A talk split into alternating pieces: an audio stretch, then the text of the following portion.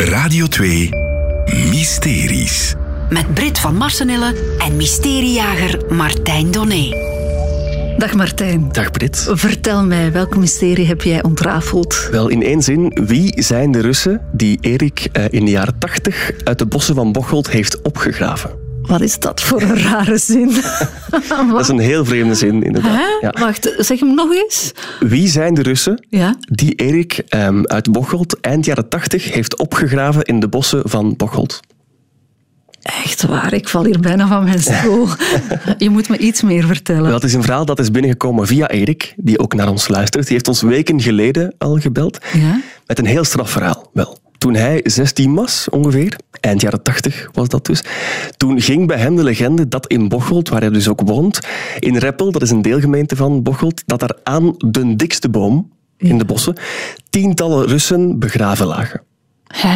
Hoe Ja. komen die daar? Die zouden, dat zouden oud-krijgsgevangenen zijn van de Tweede Wereldoorlog, die naar hier werden gehaald door de Duitsers, eh, dwangarbeid moesten doen, in de mijnen moesten gaan werken, ontsnapten en dan zich verscholen in de bossen. Oké. Dat is het verhaal. En Erik dacht, ja, ik geloof dat niet. Nee, dat ik ga dat ik. checken. Ik ga met schub en een compaan naar die bossen en ik ga daar aan de dikste boom ga ik beginnen graven. En kijken of ik iets tegenkom. Heeft hij dat echt gedaan? Komt hij daar twee skeletten tegen van twee Russen. Dat is niet waar.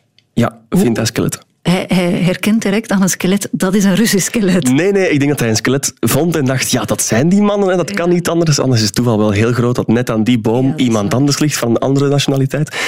Ehm, vonden die twee heren, want ze waren dus met twee, het niet beter op om daar dan de schedel, de twee schedels en de dijbenen mee te nemen met het gedacht, we gaan dat aan onze carnavalswagen hangen. Dat kon toen nog in die tijd. Ja, dat moet je nu niet meer proberen. Maar had iemand anders, een wandelaar, een beetje verder, dat toch allemaal niet gezien? Dacht hij, ik ga de politie bellen, want die zijn daar een graf aan het uitgraven. Politie komt daarbij, ehm, komen ook aanbellen bij Erik thuis. Dat verhaal gaat heel snel in het dorp ook de ronde. Natuurlijk. Worden ze opgepakt voor verhoor, eh, bijna aangeklaagd wegens grafschennis. Parket is er ook op afgekomen, forensisch onderzoek, al die dingen. Ehm, Maar het voilà. was niet officieel een graf aan die dikste boom. Ah nee, want het was gewoon midden in de bossen. dus Ah, ja. inderdaad dan ook geen echte grafschennis, bleek achteraf. Ja. Is dan ook vrijgelaten. Dat is toen een heel verhaal geweest. Heeft ook in de krant gestaan zelfs. En nu, 40 jaar later, wil Erik weten, maar wie waren die Russen nu eigenlijk? Ja. Wie waren die? Ja. Allee, hadden die familie? Wat deed die hier net? Ehm Van het heeft hem nooit echt losgelaten. En hij wou antwoorden. Dat begrijp ik. Dus daar ben ik dan begonnen. En heb je antwoorden gevonden? Wel, dat is een, het is een hele lange weg van ah, toch misschien, ah, misschien toch net niet. Het is geen volmondige ja en ook geen volmondige nee. Ik zal het zo zeggen. Ja. ja, vertel. Ehm, toen ik dat verhaal lanceerde begin deze week, kwam er onmiddellijk reactie van eh Christel. Die woont in Mozambique, in Afrika. Is een uitgeweken Limburger en is van Bocholt ook. Bleek zij de zus te zijn van die tweede compaan. Dus die compaan van Erik die mee is gaan graven. Ja. En die zei van, ah, maar ik, weet- ik ken dat verhaal nog heel goed. Ik was daarbij. Ik heb die zien aankomen thuis met die skeletten. Dat is heel hard rondgegaan, dat verhaal. En ja, ik herinner het mij nog alsof het gisteren was. Ehm, en dat verhaal is gekomen, zegt zij mij, door André Kerkhoffs. Dat was de oud-schooldirecteur van ja, dat trio eigenlijk. En die vertelde altijd die verhalen van de Russen die dan in Limburg rondzwierven in de bossen. Dus hij zou er misschien meer over kunnen vertellen. Dus hij heeft die, die jongens ook een beetje geïnspireerd, misschien zelfs aangestoken om daar te gaan graven. En Christel zegt inderdaad, die André die weet meer. Ja. Dus ik ga daar langs, ik bel die man, ik ga daar langs. Blijkt die man een Russengat te hebben. En een Russengat, Een- ja, een wat? heel vreemd woord, dat is het woord voor de holen die de Russen destijds groeven in de grond in die bossen, Ja. om zich te verschuilen van de Duitsers. Dus dat zijn holen onder de grond. Je zag die niet met het blote oog van op de begane grond. Ja. Dat was helemaal overdekt met bladeren en al die dingen. En daar leefde hij dus. Dat had hij ook helemaal nagemaakt. Een replica in zijn achtertuin, een Russengat in zijn achtertuin. We zijn er dan afgedaald. Hij heeft me dan heel de geschiedenis verteld van hoe die Russen dan ja, naar hier werden gehaald en, en ontsnapten. En, en hoe die ook werkten voor de boeren, lokale boeren en zo, geholpen werden door de, de mensen van de dorpen zelf. En dan vroeg ik, ja, André, maar weet jij wie die twee Russen waren? Zegt hij, nee, toch niet? Meer dan Erik weet ik eigenlijk niet. Maar er zijn wel nog Russen die leven in Bocholt. Babeljauskis zijn dat. Ja. De familie Babeljowski.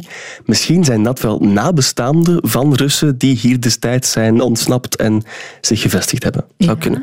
Dus ik een telefoonboek open dan, toch online. Hè. Ja. En ik bel een aantal Babeljowski's af, maar blijkt dan dat het wel degelijk Russen zijn, maar dat die Russen, die stamboom zich hier al van ehm, voor de Tweede Wereldoorlog al gevestigd had. Dus ja, niet de juiste Russen die we nodig hadden. Die hadden niks te maken met dit. Met dit verhaal, inderdaad. Er kwam er plots een nieuwe tip binnen van Remy Timmers uit Houthalen-Helchteren. En die zei, maar zeg, dit verhaal komt me toch vrij bekend voor. Mijn nonkel, Nonk Gerard, Mhm. die heeft ook iets meegemaakt met twee jonge Russen die in de bossen leefden. Bleek dat hij destijds, dus Gerard leefde ook nog toen de oorlog gaande was, ehm, had hij die Russen gevonden in de bossen en hij hielp die ook. Hij ging daar elke dag stiekem langs om die voedsel te brengen en zo. En die Russen, die twee jonge Russen, zouden zich, want dat speelde zich af in Houthalen-Helchteren, zouden zich na enkele maanden begeven hebben naar de bossen aan de kanten van Bocholt in de buurt. Daar. We kenden de naam ook via Remy. Dat waren Nikolai uh, Geranijov, als ik het juist uitspreek, klinkt heel Russisch. en Alexander Babikov. Nikolai en Alexander. Ik dacht, ik heb het antwoord. Ehm voilà, het is opgelost. Dus ik vroeg aan Remy, oké, wat is er gebeurd met die Russen? Weet je dat? Zijn die, zijn die gestorven daar in de bossen, ja of nee? Wel, nee. Mijn eh, onkel die heeft jaren later nog uit eh, Rusland een brief gehad van die twee. Waar ze zeiden van, hey, bedankt voor de hulp allemaal. We leven nog. Dit is ons leven. Het Dus gaat het ons goed. Niet de twee. Het waren weer niet die twee Russen. Dus ja, ik begin een beetje wanhopig te worden. ik begin rond te bellen naar parochies. Want ik dacht, ja, misschien die zijn wel begraven. Dat vertelde Erik mij ook. Die zijn daarna officieel begraven in de buurt van Bocholt ook. Dus ik bel alle parochies af in de buurt. Ik zeg, is er ergens een kerkelijke dienst geweest voor twee anonieme Russen? Na lang zoeken niks. Alle registers ook gecheckt van die begrafenissen. Niks gevonden. Maar heb je het kunnen oplossen? Ah wel, ik, ik ben weer al heel dicht in de buurt gekomen. Oké. Want ik ben dan via heemkundige kringen gaan zoeken. Eh, elk dorp heeft dat, hè, elke gemeente. En daar was iemand die zei, ah, maar je moet bij Christ Kuppens zijn, uit Bocholt ook, want die heeft ook een verhaal met twee Russen. Dus ik ga daar langs, eh, een oude man van, eh, denk 89 of zo. En die begint daar te vertellen. Ik heb daar bijna twee uur gezeten, Brit. Die, die kende heel die geschiedenis van buiten, eh, had heel veel verhalen. En midden in zijn uitleg kwam plots dat verhaal boven waar ik voor gekomen was, eigenlijk. Hè. Ehm, en bleek dat toen hij nog een, een klein manneke was, zei hij, zo zei hij het zelf, ehm, kwamen er plots twee Russen binnen gevlucht, in zijn huis geschoten. Die waren op de vlucht van Duitsers. Oké. Dat gebeurde in 1944. Eh, en eentje die kende zij ook. Dat was een, een bekende Rus in de buurt. En die noemde zij Dikke Pier. Ja, Dikke Pier. Pier. Ja, voilà, dat was de naam van die Rus. De echte naam weet ik niet, maar dat was zijn bijnaam. Eh, en goed, de Duitsers zijn dan gevolgd. Hebben heel die familie naar buiten gebracht, onder schot gehouden, handen omhoog. Waar zijn die Russen? Zeg het ons nu, of we schiet je dood.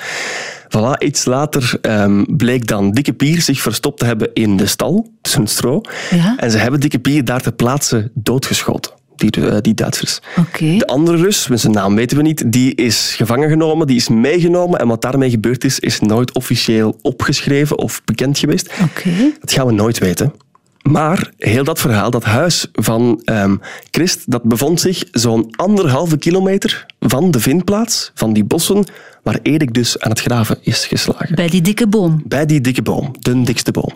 Dus ik dacht, ja, dit is het. Dit kan niet anders. Het toeval is te groot. Dat moeten die twee heren geweest zijn. En die moeten daar dan gewoon door die Duitsers begraven zijn in de buurt van die dikste boom. Dus ik vroeg aan Christ, Christ, kan het? Zou het kunnen dat die twee verhalen eigenlijk dezelfde verhalen zijn en dat het om dezelfde twee Russen gaat? Christ zegt, goh, ik denk het toch niet. Ik ben niet helemaal zeker. Het is natuurlijk allemaal informatie uit tweede hand. Ja. Maar het, er is mij verteld dat die mannen wel vrij snel begraven zijn na de oorlog in Bocholt en vervolgens herbegraven zijn in Leopoldsburg, op de militaire begraafplaats. Oké. Dus ik ben vanmiddag naar daar getrokken om toch eens te gaan piepen. Zit daar ergens dikke pier? Ligt hij daar ergens in de grond? Ben er aangekomen op een, op een begraafplaats met heel veel anonieme mensen. Dus heel veel anonieme soldaten die daar begraven zijn, waar je gewoon niet van weet van waar zijn ze, wie zijn ze. Ja. Dus het is daar een beetje geëindigd, moet ik zeggen. Eh, we kunnen dus niet 100% zeker zeggen, kijk, het waren die twee. Het was Dikke Pier en zijn compaan die Erik heeft opgegraven. Maar het zijn twee verhalen die heel dicht bij elkaar komen. ja, wel heel dicht bij elkaar. En we kunnen met een beetje waarschijnlijkheid en een beetje speculatie toch zeggen dat het Dikke Pier was en zijn compaan. En het zou lagen. eigenlijk ook wel schoon zijn, Martijn, dat dikke pier onder de dikste boom ligt. Wel, ja, hij is al herbegraven, dus dat wordt een beetje moeilijk. Nu, ik heb daar wel een laatste groet gebracht aan Ja. al die Russen die daar liggen. Op zijn Russisch ook, volgens eh, Russische traditie. En hoe gaat Ik dat? heb wat opgezocht. Ehm, blijkbaar moet je daar, oh jawel, vodka bij hebben. dus een, een glaasje vodka achterlaten op het graf. Eh, een, een stukje bruin brood op ehm, dat glaasje achterlaten. Ah, je hebt de vodka niet opgedronken? Nee, nee, nee. Ik Ah, heb het achtergelaten. Ik heb het niet opgedronken. Eh, je moet ook een even aantal bloemen bij hebben. Dat is ongeluk en geluk, blijkbaar. Ah, en dan het mooi. Russisch volkslied zingen of spelen of wat dan ook laten horen. Heb ik gedaan en voilà. Dus we zullen nooit weten of het echt dikke pier was die daar dan ligt. Maar bij deze is het toch echt ja, uitgezwaaid vanuit Limburg. En jij kent het Russisch volkslied. Ja, nee, nee, nee. nee, nee het absoluut niet. afgespeeld. Ja, toch wel. Ja. Amai Martijn, dank je wel voor dit eh, onwaarschijnlijk moeilijk mysterie toch wel. Alsjeblieft. Meer mysteries? Volg alles in de Radio 2-app.